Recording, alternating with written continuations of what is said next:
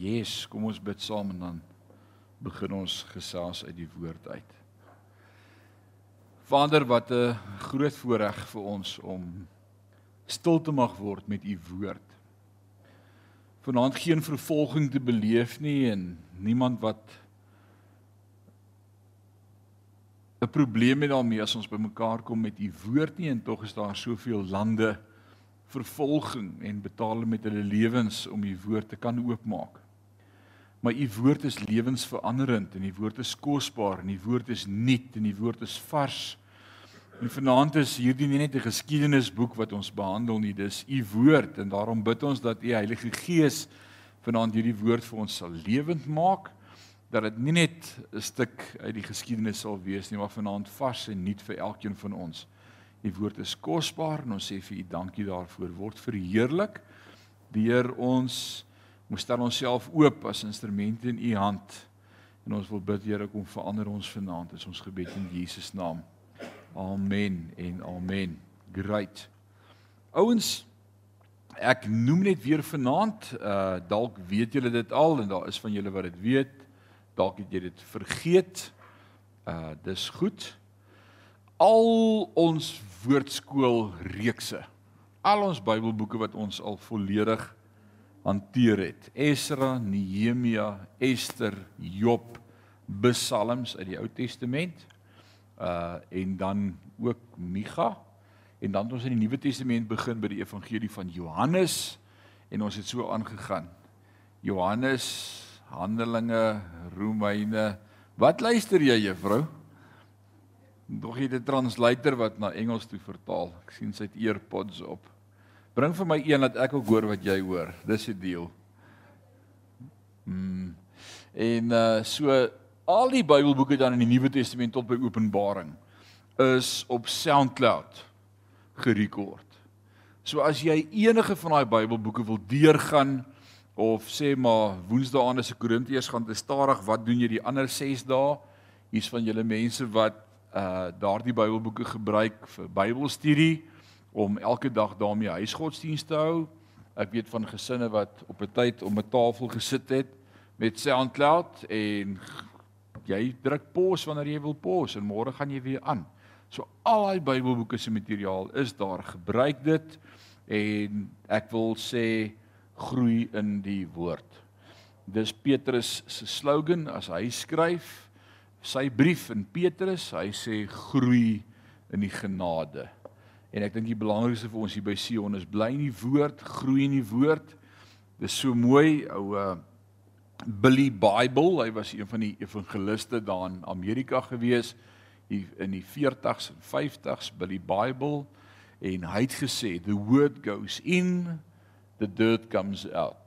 Dis heiligmaking ouens, dis wat die woord ons leer. Uh sonder heiligmaking sal jy in my koninkryk nie sien of ingaan nie. Jy hoef nie 'n weirdo te wees vir die Here nie. Christene staan nie op die hoeke en preek vir almal en vertel vir hulle is nou Christene nie. Jou lewe verander, maar jy maak tyd met God se woord.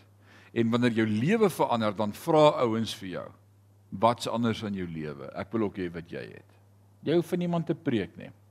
Francis van Assisi, die monnik, uh hy het daar in 'n klooster opgesluit gewees in die 1800s en hy het kos gemaak. Hy was verantwoordelik om te kook vir hierdie klomp monke en hy het by hierdie monkskool dit hy die kos gemaak en die pap geroer en in die kombuis gewees. Maar net sy teenwoordigheid, net sy manier hoe hy die kos opgeskep het en wat hy gedoen het en hoe hy dit gedoen het, het so indruk op die ander gemaak dat hulle vir hom begin vra het wat is anders aan jou? Nou hy het 'n paar goed gedoen en die eerste ding practicing the presence of God. Hy was die heeltyd attent bewus van God se teenwoordigheid. Imagine as jy 'n dag so kan leef dat jy elke oomblik van elke sekond bewus is van God se teenwoordigheid. So hy hy daardie uh dit was ook in die gebruik in daardie tyd as ons praat van practicing the presence of God, het hy met elke asemteug bewus gewees dat God teenwoordig is. As jy jou gedagtes kan kan kondisioneer om by elke asemteug en elke gesprek en elke situasie bewus te wees van God se nabyheid. Yes, like, dit gaan die verskil in jou lewe maak. Tweede ding, hy het gesê moenie loop en preek en praat en vir almal vertel nie. Hy het gesê gebruik alle moontlike maniere om die evangelie met mense te deel. Nou het jy al klomp klaar klomp goed in jou gedagte, maar hier kom die kruks. En as dit regtig nodig is, sê iets. Daai eerste go-to wat ek sou doen om te sê, te vertel, te praat, te getuig, te vermaan, aan te moedig. Nee, hy sê moenie loop en praat nie leef Christus. Alraai, awesome. So bly in die woord. Ons is in 1 Korintiërs 10 en uh, ons het 2 weke terug met 1 Korintiërs 10 weggetrek en ek dink ons het net tot by vers 6 6 of 7 gekom, 6 gekom. Uh ek lees net so vinnig ter agtergrond weer om die lyn op te tel van waarmee ons besig is. Lees lees ek net weer van vers 1 af en dan gaan ons aan broers en susters. Ek wil hê julle moet goed verstaan wat destyds met ons voorvaders in die woestyn gebeur het. God het hulle almal gelei deur middel van 'n wolk wat vooruit gegaan het. Hy het almal veilig deur die see getrek. As gevolg van Moses is hulle almal in die wolk en die see gedoop. En hulle het almal van dieselfde geestelike voedsel geëet en almal van dieselfde wonderwater gedrink. Want hulle het uit die woes uit uit die uit die uh wonderrots gedrink wat hulle vergesel het. En daardie rots was Christus. Het jy weer 'n bietjie gaan dink oor die rots wat agter hulle in oralster? Is dit nie amazing nie, né? Jy dit gemis het gaan luister 2 weke terug se woordskot. Daai rots het fisies al agter hulle aan beweeg in die woestyn. Dit moes 'n gesig gewees het. En as hy nou sê en daardie rots was Christus, dan wil ek gou vra in die Nuwe Testament, wat gebeur in my en jou lewe elke dag? Waar's die Heilige Gees? By my. Hulle het die rots gesien. Dit was nog die prentjie van dit wat ek en jy elke dag beleef. Hy is by jou jy's vies vir hulle omdat hulle die rots gesien het en dit so awesome was en jy sou dit ook wou sien. Hulle het net die prentjie gehad. Dian, wil jy iets sê? Het jy twee weke terug gemis? hulle wat uit die wonderrots gedrink het, wat hulle vergesel het en daardie rots was Christus. So die prentjie van die rots is die rots het die heeltyd saam met hulle getrek in die woestyn. Hy kon gerol het, hy kon vlerke gehad het, hy kon ons weet nie hoe dit was nie. Die Bybel sê net en dit was vir die Jode algemene kennis, hulle het dit verstaan. Die rots het die volk gevolg. Maar Paulus verstaan die prentjie van die rots. Hy sê die rots was Christus. En ons het daaroor gepraat en dis hoekom hy die eerste keer die rots moes slaan want Jesus is vir my en vir jou geslaan en nadat hy vir ons geslaan is, het uit hom uit vir my en vir jou genade gekom wat ons kan drink. En daarna as daar sonde in jou lewe is en daar's dinge wat gebeur tussen jou en God, dis nie nodig om weer die rots te slaan en weer voor te begin soos wat Hebreërs 6 sê, dis onmoontlik vir een wat eenmal gered is tot bekering gekom het die handoplegging, die dooping met die Heilige Gees ontvang het om weer Christus te kruisig en weer tot bekering te kom. En dan sê baie ouens sien as jy tot bekering gekom het en jy doen sonde, dan kan jy nie weer gered word nie. Dis nie wat daar staan nie. Daar staan as jy 'n kind van God is, hoef jy nie elke keer voor te begin by wedergeboorte nie. Jy's een keer wedergebore. Hoe weet ek dit wat daar staan? Lees net Hebreërs 6 verder. Hy sê daarom bid ek dat julle sal groei tot die kennis van 'n volwasse kind in Christus. Alraai, dis dis hoe dit is. Groei. Sê saam met my groei. Alraai, so die tweede keer toe die rots moet water gee, toe sê God, nou wil ek jou die prentjie leer van die rots want dis 'n tipe van Christus. Nou moet jy die rots praat met die rots. Dis sê ek het nie lus om te praat met die rots nie. Ek gaan vir hom slaan. Ek dit het laas gewerk. En daai slaan het Moses en Aaron die beloofde land gekos. Maar waar's God se genade dan? God is dan 'n God van genade. Hoe kan so 'n klein ongehoorsaamheid hulle die beloofde land gekos het want hulle het die verkeerde prentjie van Christus aan sy volk geleer. Want die prentjie was jy's een keer is Christus is een keer vir my geslaan en daarna het ons vrymoedigheid om net te gaan na die Vader en te praat. Hy hoef nie weer geslaan te word nie. So die prentjie en dit wat so belangrik is om te onthou van God en ons gaan vanaand daaroor praat uit hierdie teks uit wat voor lê en ek noem dit nou reeds vir jou. Wat is die nommer 1 belangrikste attribute van God wat ek en jy moet verstaan? Die belangrikste. Die nommer 1 belangrikste attribute. Wat jy weet wat se attribute? Nou, As jy RTT het of rekenaars doen, dan regsklik jy op 'n file en jy sê properties en dan sê hy vir jou wat se attributes. Dis 'n read-only file of is 'n executable file of is 'n bat file of dit dis die attribute watter eienskappe behoort aan daardie rekenaar leer. So attribute is iets wat ons probeer sê om wat kan alles aan God toegeskryf word. Karaktereienskappe, maar ons kan nie sy karakter vasvang en sê dis die vyf eienskappe nie. So ah, hy's onpylbaar. Dis te groot. So ons praat van attributes. Maar wat is die nommer 1 belangrikste attribute van God vir my om vir jou om te weet? Ek het liefde, ek het genade, Wie het dit gesê? Jy's reg. Die belangrikste attribute wat ek van God kan ken en moet ken, die nommer 1 as ek na hom toe gaan, is hierdie God is 'n heilige God. En omdat hy heilig is en sonde haat, is daar genade en is daar liefde en is daar al hierdie ander awesome attribute waaraan ons so vashou om te sê dis great, dis wie God is. In die eerste plek is God heilig. En omdat God heilig is, het hy aan Moses en Aaron kom staan en vir hulle gesê julle kan nie die beloofde land ingaan nie. Want ek soek 100% gehoorsaamheid. As ek iets sê, wil ek hê jy moet dit doen. Hm vat sommer net in my eie lewe, né? Is ek 100% aan God gehoorsaam? As hy vir my iets sê, doen ek dit. Want hy's heilig. Dis sommer net 'n vraag. Ons praat nie nou daaroor nie. Vers 5 sê en tog was God met die mense van hulle ontevrede met die meeste van hulle ontevrede en het hulle in die woestyn laat omkom.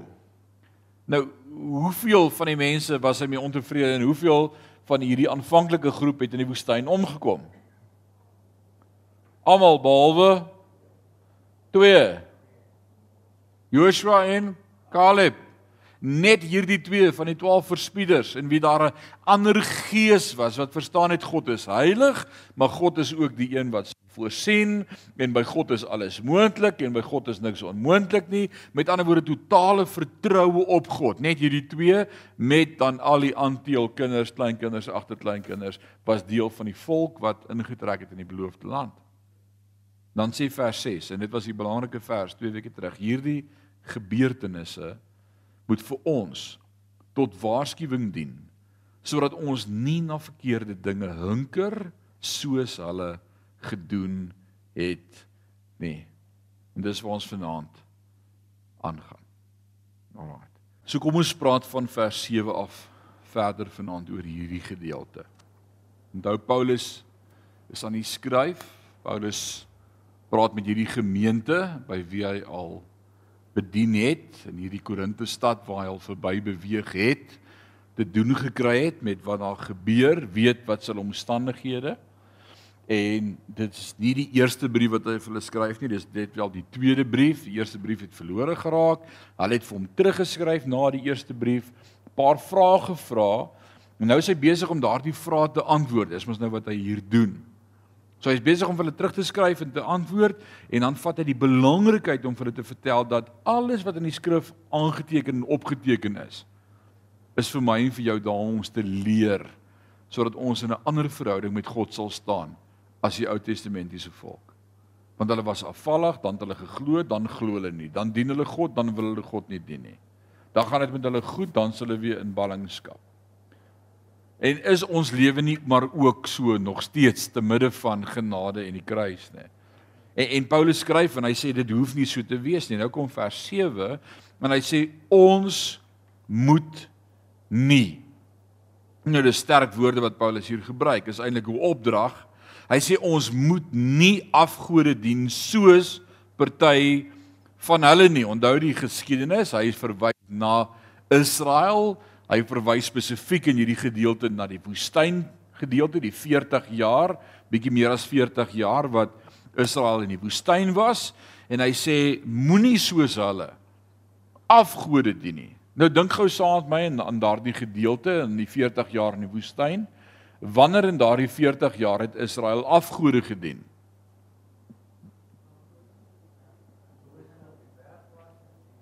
Dion, jy slaan die spyker op die kop en dit klink soos Eksodus 32 toe Moses op die berg was. Vir hoeveel dae was hy op die berg? Ek seker hy wou langer daar gewees het.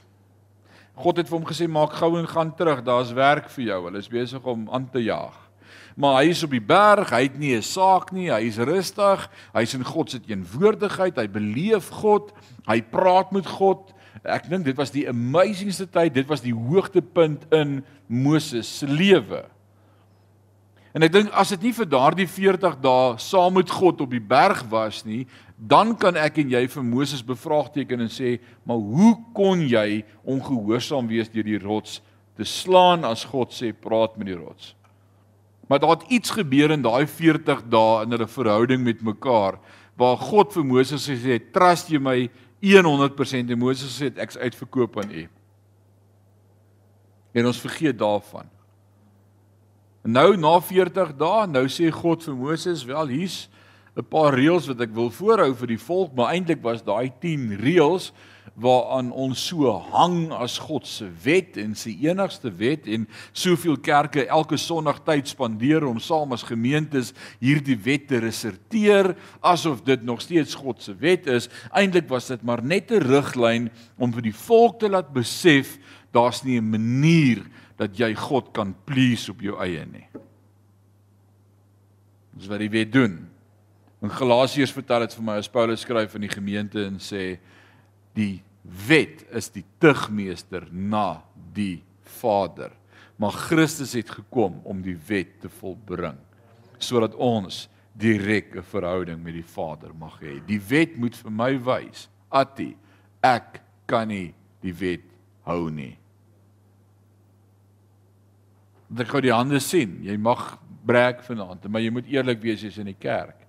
Wie van julle kry reg om al 10 gebooie 100% te onderhou? Ek kan jou hand so graag wil opsteek as wat jy wil. Ons kan nie.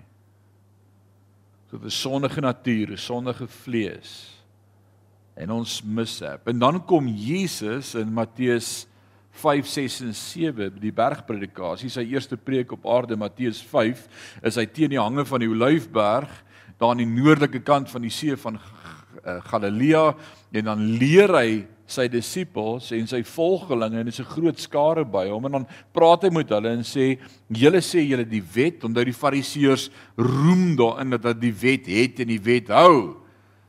Die fariseërs het daarmee gebrek dat hulle die wet gehou kry.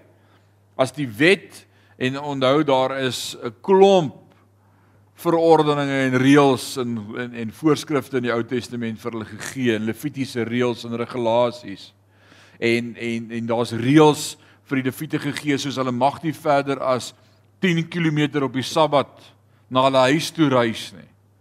Dis teen die wet om so ver te loop. God wil hê jy moet rus en by jou huis wees en bewus wees van hom en op hom fokus. So Hulle het dit gehou as 'n wet en dan het hulle elke 10 km tussen die dorpe waar hulle wou trek, het hulle so 'n klein shack opgeslaan en gesê hierdie is my huis. In 10 km verder, hierdie is ook my huis. En ons kan die Here lekker om die bos lei elke Sabbat. Ek kan stap net waar ek wil want elke 10 km in elke rigting het ek 'n huis. Ek hou die wet. Maar dit is nie verhouding met God nie. En nou kom Jesus op die toneel en hy praat met hulle en hy sê julle sê die wet sê jy mag nie egbreek nie. En dan staan almal dan sê ja, nee, ons egbreek nie. En dan sê Jesus, "Wel kom ek verduidelik vir julle. As jy net na 'n vrou kyk en sê, "Wow, jy eggebreek." Wat kom doen Jesus? Hy sê julle die wet probeer hou, maar julle die boodskap van die wet verkrag. Eintlik wil ek vir jou sê daar's niemand wat dit kan maak nie, maar nog steeds kon hulle dit nie snap nie. Hy sê julle sê julle pleeg nie moord nie. Ja nee, ons het nog nooit niemand doodgemaak nie. Hy sê, maar ek sê vir julle as jy net jou broer voor kwaad is, net kwaad is vir jou broer, is dit soos moord in God se oë. Wat wou hy hê moet hulle doen? Hulle moet uitroep en sê, "Maar wie kan dit dan maak? Ons het 'n verlosser nodig." Wie gaan dit kan maak dan? Wie gaan kan hemel toe gaan? En dis presies hoekom Jesus gekom het en hy's hier juis as middelaar om ons te red. En hy wou sê hier's ek, dis hoekom ek gekom het. En hulle sê ons het jou nie nodig nie. Jy kom krap net Moses se reëls deurmekaar. Kom ons maak hom net dood. Kry hom net uit die pad uit. Ons het die wet. Baie dankie. Ons het nie lus vir hierdie nonsens nie. Ons moenie afgode dien soos party van hulle nie. Die skrif sê die volk het gaan sit om feeste vier en opgestaan om voor die afgod danse uit te voer. Nou kom ons dink aan hierdie gedeelte in Eksodus 32. Moeg daarvoor dat Moses by die berg Sinai is en met God praat, het hulle na Aaron toe gekom en hom gedruk om 'n goue kalf van hulle juweliersware te maak al die koper en goue bangles wat die vrouens daar in Egipte toe hulle getrek het deur die die die uh eienaresse en hulle baase gekry het om te sê vat net wat julle wil hê en gaan net hier weg. Ons seuns sterf en ons 10 plaas genoeg is genoeg trek net vat wat julle wil hê. Kom net weg uit ons land uit.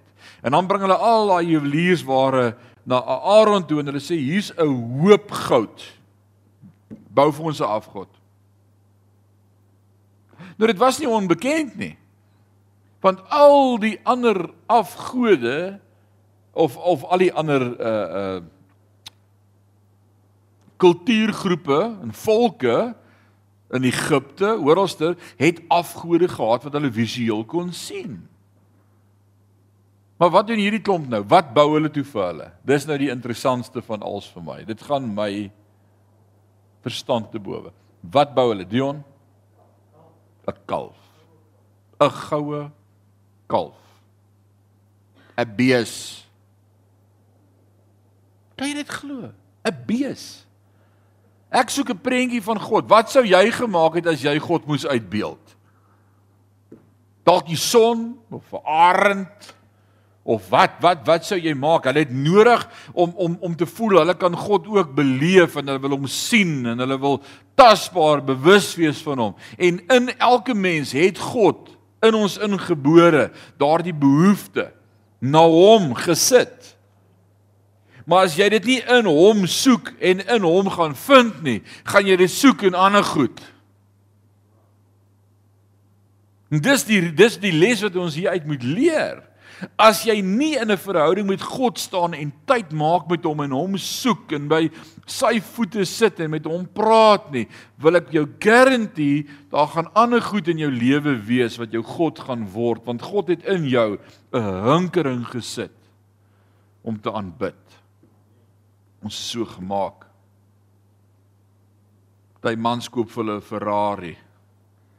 En hy staan in daai motorhuis wat omtrent nooit oopgemaak word nie en daar word 'n vreeslike doek oor hom gegooi dat hy nie krap nie. En dis sy goue kalf. Ja, ek ken dit iets anders. Nee, ons het God, né? Dit was nie so seer om met Jehovah te kompeteer nie. Dit was net die behoefte wat hulle gehad het om om om aanbidding te kan uitdruk en en hulle het nie geweet hoe anderster nie. Hulle hulle het 'n sigbare, tasbare voorstelling van God gesoek. En die naaste wat hulle kon vind was 'n goue kalf en baie kulture destyds die koei as verteenwoordiging van godheid beskou. Nou hoekom dink jy is 'n koei beskou as die verteenwoordigheid van godheid? Wie, wie sê? Kos, melk en hy sterk, is 'n sterk dier. Ek bedoel, imagine dit was 'n Brahman kalfie. Is is 'n sterk dier. Praat nou die dag met iemand wat deur 'n koei gestamp is, ou uh uh Elmarie Oosthuizen se broer. En hy sê daai koei het vir hom so opgegooi deur die lug en toe hy val toe voel hy daar's groot fout met sy rug en hy loop nou so. Is 'n sterk dier. So dit is die sterkte maar ook die voorsiening van voedsel, Henk.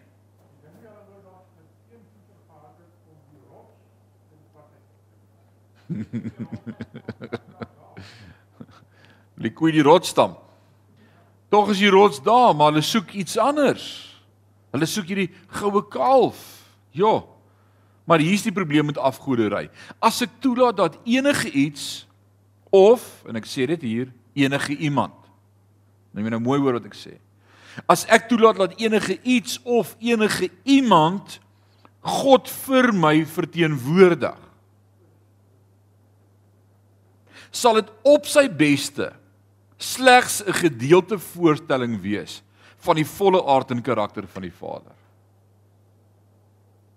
Niemand of niks het die vermoë om die Vader te verteenwoordig nie. Daar's niks wat kan vergelyk met God nie. Dat kan nie. Die koei is God sterk? Yes. Voorsien hy voedsel en gee hy ons melk? Yes. Is dit al wat hy is?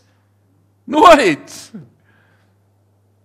En dis die probleem met enige afgod in enige mens se lewe. Dis 'n wanvoorstelling van wie God is en wil wees vir ons. Jy sien as ek na God kyk as net 'n koei in die sin om sagtens vir sy kleintjies te voorsien, hoef ek nie te vrees as ek immoreel in sy oë optree nie. Want hy's net die koei. En daarom kies mense vir hulle afgode wat pas by hulle leefstyl, wat net hulle behoeftes aanspreek, maar nie hulle verkeerde optrede nie. God is 'n verterende vuur. Hy's heilig. Ons het dit net nou vir mekaar gesê. Die belangrikste eienskap van God wat ek kan ken, die heel eerste en die belangrikste een waarmee elke individu moet deel, is God is heilig. Ek deel met 'n jong man wat sy vriende na die Here toe wil lei en hy wil hulle probeer oortuig nee, dit wat julle doen is verkeerd en dit wat julle doen is verkeerd en dit wat jy doen is verkeerd. En, en my raad aan hom wys net vir hulle wie God is en dat hy heilig is is al. Ek kan nie met God se heiligheid met sonde voor hom kom nie. Hy's 'n verterende vuur. En die probleem in ons lewens hoekom ons sonde bly akkommodeer want ons sê God is 'n God van liefde. God is 'n God van genade. God is 'n God van hoop. God is 'n God van tweede en derde en vierde en vyfde en tiende kansse en hy is maar eerstens is hy heilig. En as ons dit vergeet, gaan ons lewe soos die wêreld want ons dien die God van liefde en van genade. Hy is God van liefde en genade. Maar hy's eers heilig. En ek moet eers besef Attie ek's dood en ek's op pad hel toe en ek's verlore. Dan verstaan ek genade en liefde en hoop.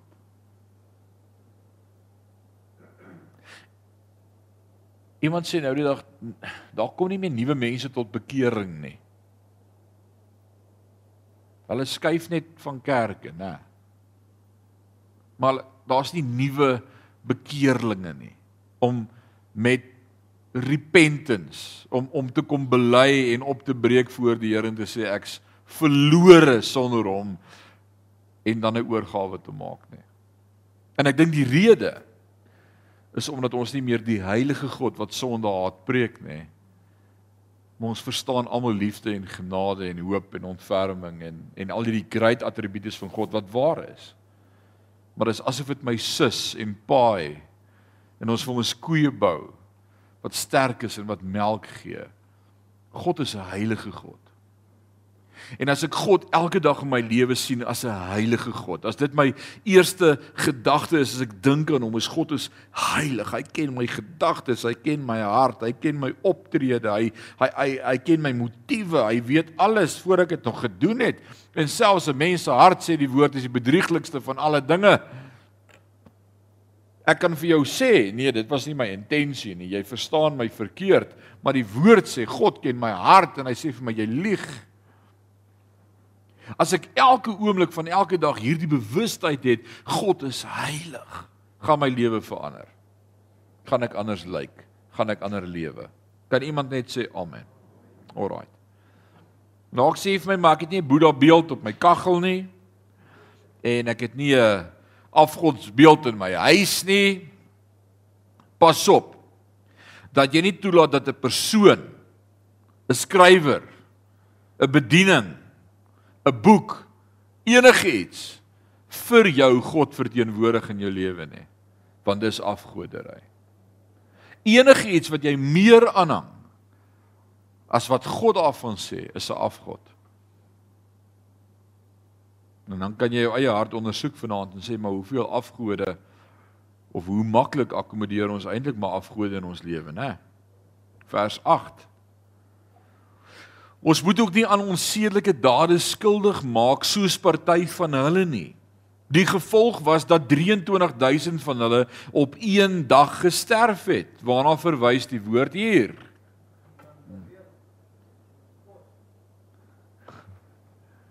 Numeri 25, as jy dit daar wil inskryf, is jy welkom. Met verwysing na die Numeri 25 verslag waaraan nadat hulle met die vroue van Moab gehoreer het 23000 gesterf het op een dag en nog 1000 net 'n rukkie daarna. Nou sê Paulus in die heerlike lewe van vryheid wat jy geniet, sorg dat jou vryheid nie lei tot onsedelikheid nie. En dis iets wat elkeen van ons altyd moet onthou. Baie mense sê vir my, "Ooh, ek kan daarna kyk." Ooh, dit pla my nie as ek na so 'n fliek kyk nie. As daar uh, eksplisiete tonele in 'n fliek is, pla dit my nie. Ek is 'n getroude man of 'n vrou en dis net ek is net ons wat daarna kyk. Dit pla my nie. It's great. Jy mag. Of mense wat sê, "O, ek gaan soen toe." Gaan na daai party toe of ek gaan na daai show toe. Dis great of oor 'n fliek wat jy kyk of 'n aktiwiteit wat jy bywoon, onbewus daarvan dat onsedelikheid doodmaak. Dit was die wet van God teen onsedelikheid is daardie persoon moet sterf. In die Ou Testament het mense wat onsedelik is met hulle lewe betaal. Maar omdat ons Christus het en genade het en ons modern is, is dit soos dis aanvaarbaar. Dit's oukei, okay, ons het ons nou groot, almal is oor 18 in die huis.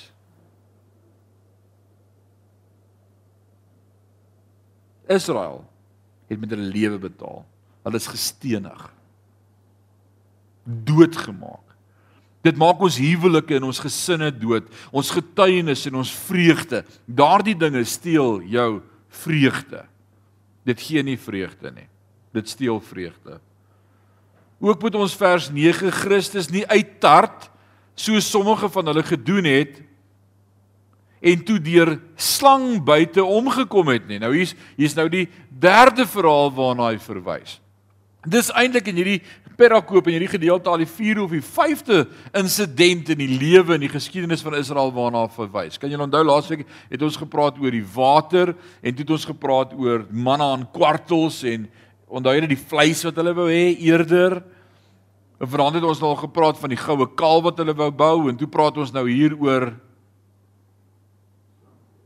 oor die seksueel immoraliteit en hoeveel omgekom het. En nou praat ons oor die slang buite en is alles stories grepe uit die lewe van Israel uit uit die geskiedenis uit waarna Paulus gryp om te sê maak nie saak wat jy lees in die lewe van die geskiedenis nie. Ons kan daaruit lesse leer in my eie verhouding met God.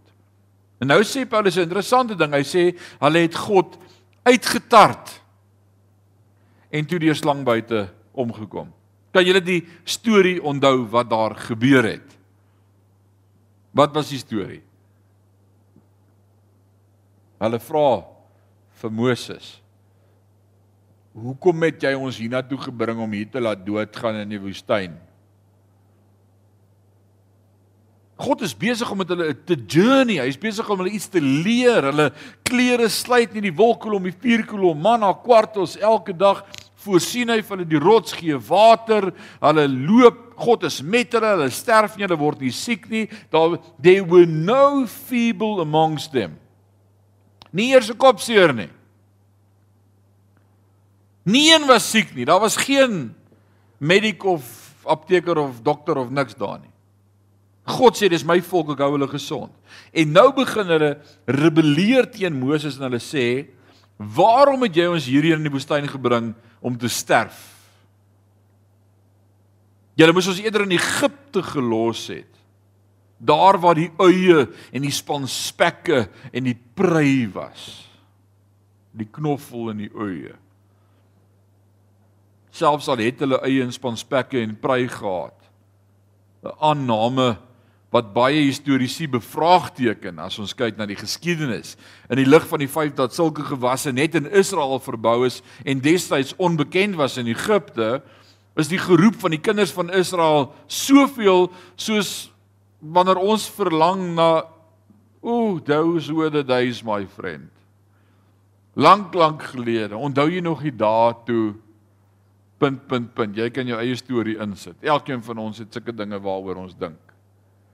As ons in die aande om die kampvuur sit en gesels of yes like onthou jy nog die dae toe? Daai tyd Dis presies wat Israel op hierdie stadium doen. Hulle verlang terug na daai tyd en skielik was daai tyd awesome. Hulle was in slawerny. Hulle het nie stem so God se stem gehoor nie. Hulle volk het nie 'n leier gehad nie. Hulle het geen hoop gehad nie. Hulle was nêrens heen op pad nie, maar hulle verlang eerder soontoe as om God te beleef elke dag, die wolkkolom, die vuurkolom, die water, manna, kwartels, klere wat nie sluit nie, geen siekes onder hulle nie. En hulle sê, "O, nee, daai was nou, dit was nou lekker tye." En nou sê God, deur te verlang na die verlede en my nie te sien in die hede nie, versoek julle my En toe wat gebeur? Dit maak plek vir die slang in my lewe. Dit maak 'n deur oop vir die duiwel want ek is ontevrede. Sê saam met my ontevrede. Ekskuus, ontevredenheid maak 'n deur oop vir die duiwel. En daarom leer die Here ons wees vergenoeg. Vergenoeg. Vergenoeg. Wees tevrede met wat jy het.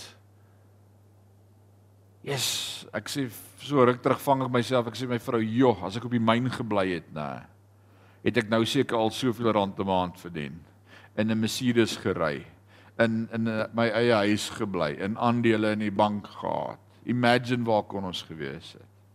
Those were the days. En die Here sê vir my, "Wil jy dit hê of my hand hê?" En ek sê, "Here, ek soek u hand." Ek soek u hand. Jy kan teruggaan en nostalgies raak oor dinge in die verlede en dinge wat jy verkeerd besluit het en dinge wat jy gedink het anders gaan wees en waar jy kon wees in die lewe. Ek soek niks anders as God se hand oor my lewe nie. Ek verruil waar ek is vir geen geld nie. En eers wanneer jy op daardie plek is en God raak sien en sê Here, al het ek niks, het ek U. Corrie ten Boom wat sê you'll never know that God is all you need until God is all you have. Jesus ek dink terug aan uh, ons is nou nou 17 jaar in die gemeente. Kan jy dit glo? 17. Ek onthou as laat in die huis toe my pa op daai stadium kom wat hy sê hulle is nou 17 jaar, toe dink ek julle moet aftree. Julle is stok oud. Ons is 17 jaar hier. Ek is 7 jaar presiderende leier van hierdie gemeente. En in hierdie 17 jaar dink ek terug aan hoeveel beroepe ek ontvang het om na ander gemeentes te gaan. Dis Bloemfontein, Rustenburg, Pretoria Noord. Hoeveel ouens wat my gesoek het En dan gaan preek ek en ons kyk na die gemeente opset en die kerkraad vergader en sê ons soek jou, wanneer begin jy? En dan in my hart sê die Here net, uh, en jy gaan nêrens heen, jy bly hier. En dan onwillekeurig dink ek ou baie keer, "Jesus, as ek vir daai beroep ja gesê het, imagine waar kon ek nou gewees het?" Ek wil nêrens wees as God nie met my is nie. Wat ek het is al wat ek nodig het. En totdat ek nie daardie posisie inneem en dit besef nie, maak ek vir die duiwel 'n deur oop en ons word gebyt deur die slange. En dis wat gebeur het. Raai, hulle word gebyt deur slange. Moenie vir Christus versoek deur te sê ek mis die ou dae nie.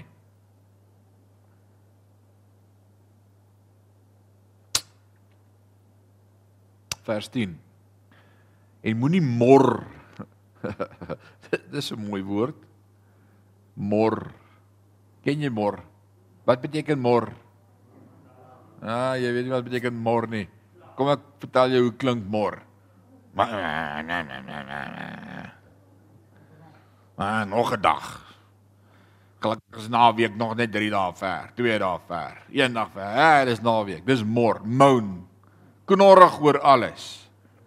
Sug. Daai vir julle geestelike sug. Vreeslike sug. Mor. Die woord sê en moenie moenie mor so sommige van hulle nie. Want dit is die rede waarom God die doodsengel gestuur het om hulle dood te maak. Ja, sou ons ons met hierdie goed vasmaak in ons lewe, hoor. Terug verlang na ou tye, those were the days my friend, I thought they'll never end.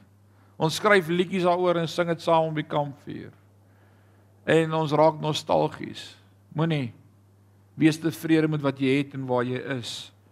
Moenie mor nie, moenie sug nie, moenie mou nie, moenie negatief raak nie, moenie so depressief raak oor jou omstandighede en voel jy's vasgevang nie. Die woord sê dis die rede waarom God die doodsengel gestuur het om hulle dood te maak. So nadat hulle met die wolk bedek is en God voorsien het en sy goedheid en genade van die Vader ervaar het, twyfel die Israeliete gereeld of hulle die beloofde land moet gaan binne gaan. Hulle weet nou nie, nee, nou ons weet nie. En en Moses stuur 12 verspieders spioene uit om die land te gaan ondersoek. En hoewel hulle terugkeer met verslae van skoonheid daarvan en groot vrugte en produktiwiteit en alles wat awesome is, moan hulle oor die Amalekiete en die reuse en hulle so springkane en goggas in hulle oë en hulle gaan plat getrap word as hulle waag om in te gaan. Numeri 13 vanaf vers 26 is daardie stuk in die geskiedenis as jy dit wil gaan lees. Maar net twee spioene het 'n ander gees en 'n ander perspektief gehad. Net net twee sê moenie teen God in opstand kom nie, het Joshua en Caleb gesê. Moenie moenie bang wees vir die mense van die land nie. Hulle is hulle is ons brood. Dit dis 'n mooi Ek like hierdie metafoor. Hulle is ons brood. Wie van julle like van brood? Hulle is soos brood en ons ons gaan vir hulle eet. Ons gaan vir hulle opeet. Numeri 14 vers 9. Caleb het gesê die reuse is soos brood vir ons. Ons sal hulle opeet. En gevolglik sal ons eintlik sterker wees vir die stryd. Hulle hulle gaan ons net sterker voorberei vir die stryd. 40 jaar later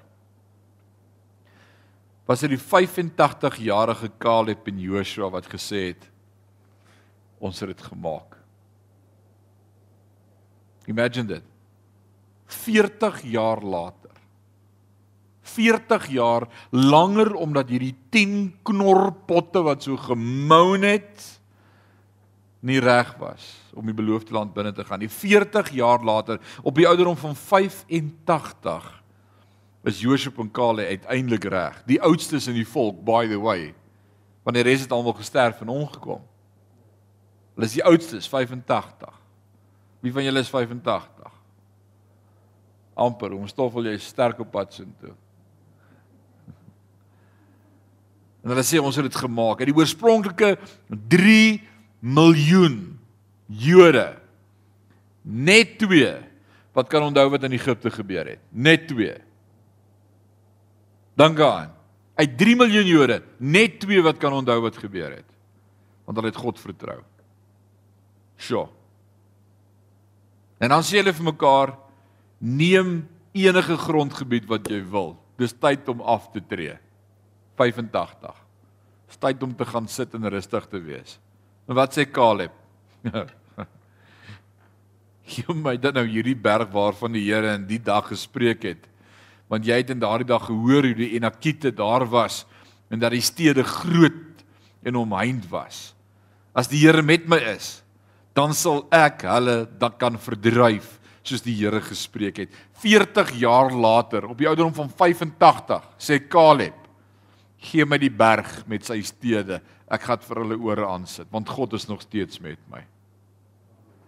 As jy as jy jonk is kan leer om God te vertrou, sal jy God vertrou tot jy doodgaan. As ons dit nie gaan leer as ons jonk is nie, sukkel ons op ons ou dag te begin om God te vertrou. Daarom is 'n jong bekeerling vir my so amazing. Sjoe. Caleb sê moenie vir my strandhuis gee nie. Ek wil by die berg gaan bly waar die reëse woon. Hoekom? Ek is nog steeds lus vir brood. Ek wil sien hoe maak God hulle my saais want God is met my. Wanneer ons hier onsse Vader bid en ek hoop jy doen ek hoop jy doen Daar's soveel in die onsse Vader wat God elke dag met my en met jou wil deel en wil sê vir ons. En wat leer hy ons rondom brood in die onsse Vader? Gee ons vandag ons daaglikse brood. Dink aan die Amalekiete. Ons kla en ons prewel. Hoekom vind hierdie goed plaas? Hoekom gebeur hierdie goed om ons? Hoekom is ek nie op 'n ander plek nie? Hoekom nie dit nie? Hoekom het ons nie 'n ander burgemeester nie? Hoekom gebeur dit? Hoekom gebeur daai? Kon dit nie anders wees nie?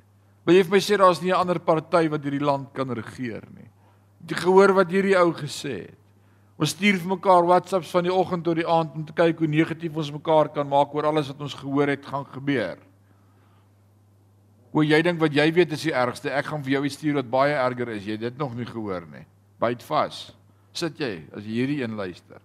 Ons maak mekaar se dag en se lewe. Regtig. En wat leer God ons bid elke dag? Gee my vandag net my daaglikse brood. U maak van my vyande broodkorsies. Toast. En ek eet hulle op. Sjoe vers 11. Al hierdie dinge het met hulle gebeur as 'n voorbeeld vir ons. Hy herhaal dit. Dis die tweede keer wat hy dit sê in hierdie gedeelte. En is neergeskryf om ons te waarsku ons wat hier teen die einde van die wêreldgeskiedenis leef. En dis vir my so mooi dat Paulus reeds 2000 jaar gesê het dis nou die einde ons sê ook dis nou die einde. En dit kan 'n dag wees en dit kan 'n jaar wees en dalk is dit nog 10 jaar, dalk is dit nog 1000 jaar. Maar as ek nie lewe asof dit vandag gaan wees nie, gaan ek nie gereed wees as God kom nie. Dis die enigste eskatologiese eindkyk houding, optrede, verwagting wat 'n konstante gereedheid by my tot weeg tot beweeg bring. Ek wag vir die koms van Jesus. As ek sê Atti, hy gaan eers in die jaar 2050 kom. Gaan ek nie worry om te vas nie, ek gaan nie bid nie, ek gaan nie hoef Bybel te lees nie, ek gaan nie hoef te groei in die genade nie. Ek sal in 2049 sal ek die dinge optel en net weer afstof en regkom. Nee, dis nie hoe dit werk nie. Elke dag gereed leef vir sy koms. So wanneer jy hierdie skrif blaai, besef dan net die Vader het kragtige, skerpsinnige en soms skokkende voorbeelde vir ons verskaf om ons belangrike lesse te leer. En Paulus sê, moenie hulle mis nie. Lees jou Bybel op soek na lesse vir die voorbeelde wat jy dalk wyser kan maak om God beter te verstaan. Die ou gesegde is inderdaad waar. Ervaring is die beste leermeester. Jy hoef nie daai ervarings persoonlik op te doen nie. Lees dit, dis in die Bybel. En daarom as jy dink jy staan sterk en nou kom hy na al hierdie wat hy gesê het by 'n awesome vers en hier begin dit nou daarom as jy dink jy staan sterk moet jy oppas dat jy nie ook tot 'n val kom nie. Don't judge others. Moenie daarin roem nie. Ek hoor baie keer as as ons hoor van iemand wat iets oorgekom het, dan hoor ek iemand sê, "Ooh, ek sou dit nooit gedoen het nie." Hoe kan hy so dom wees om dit te doen? Dis stupid. Oppas dat jy nie ook tot 'n vel, tot 'n val kom nie. Onthou, ag vers 13, ons gaan hier stop vanaand. Onthou, sê saam met my onthou. Die versoeking wat oor julle pad kom, is nie uniek nie. Ander ondervind dit ook. God is getrou en hy sal keer dat die versoeking te sterk vir julle word. Midde in die versoeking sal hy vir 'n uitweg sorg dat jy dit kan verduur. Sê saam met my verduur. Jy moet leer om sterk te staan teen versoekings en dit te verduur. Dis 'n awesome vers hierdie na 12 verse van wees versigtig, pas op, moenie dit nie, oppas vir val, moenie soos hulle wees nie. Kom hy met hierdie awesome konklusie tot hierdie perakoop met 'n trooswoord. En Paulus sê vir die Christene in Korintiërs, laat hom wat meen dat hy staan, oppas dat jy nie val nie. En dan soos hy dikwels doen na aanleiding van hierdie woord van waarskuwing, reik Paulus 'n woord van vertroosting uit en hy sê Pas op, maar vat hoop. Wees versigtig, maar wees vertroos. God het jou. He's got you. Hy het jou elke oomblik. En dis die verhelderende uitgangspunt, dis die klimaks van hierdie gedeelte. Onthou, die versoeking wat oor jou pad kom is nie uniek nie. En elkeen van ons dink jou versoeking is net jou versoeking. Dis nie uniek nie. Dis nie uniek nie. Baie sukkel daarmee. En baie oorwin dit en daarom wanneer ons oor ons goed kan begin share met mekaar en praat en mekaar bemoedig, eh, dan dan sit so awesome om te sien hoe ons groei want dit is ek dog net ek sukkel daarmee. Serieus? Jy kan dit doen. Kom aan, hoe gaan dit? Hou jy uit? Yes, jy gaan dit maak. En en dis waarvoor ons op hierdie saam as as kerk hier saam is om hande te vat en mekaar aan te moedig en te bemoedig en te vermaan en mekaar te ondersteun en te sê jy gaan dit maak. Jy gaan dit maak. Stamp gaan jy langs jou en sê vir hom jy gaan dit maak. Dalena, jy gaan dit maak. Ben, jy gaan dit maak. Louis, jy gaan dit maak. Jy gaan dit maak. Johan, jy gaan dit maak. Atti, Sorry vir jou, maar jy gaan dit maak. Jy gaan dit maak. In die laaste 7 jaar, hoeveel keer het jy gedink is die einde?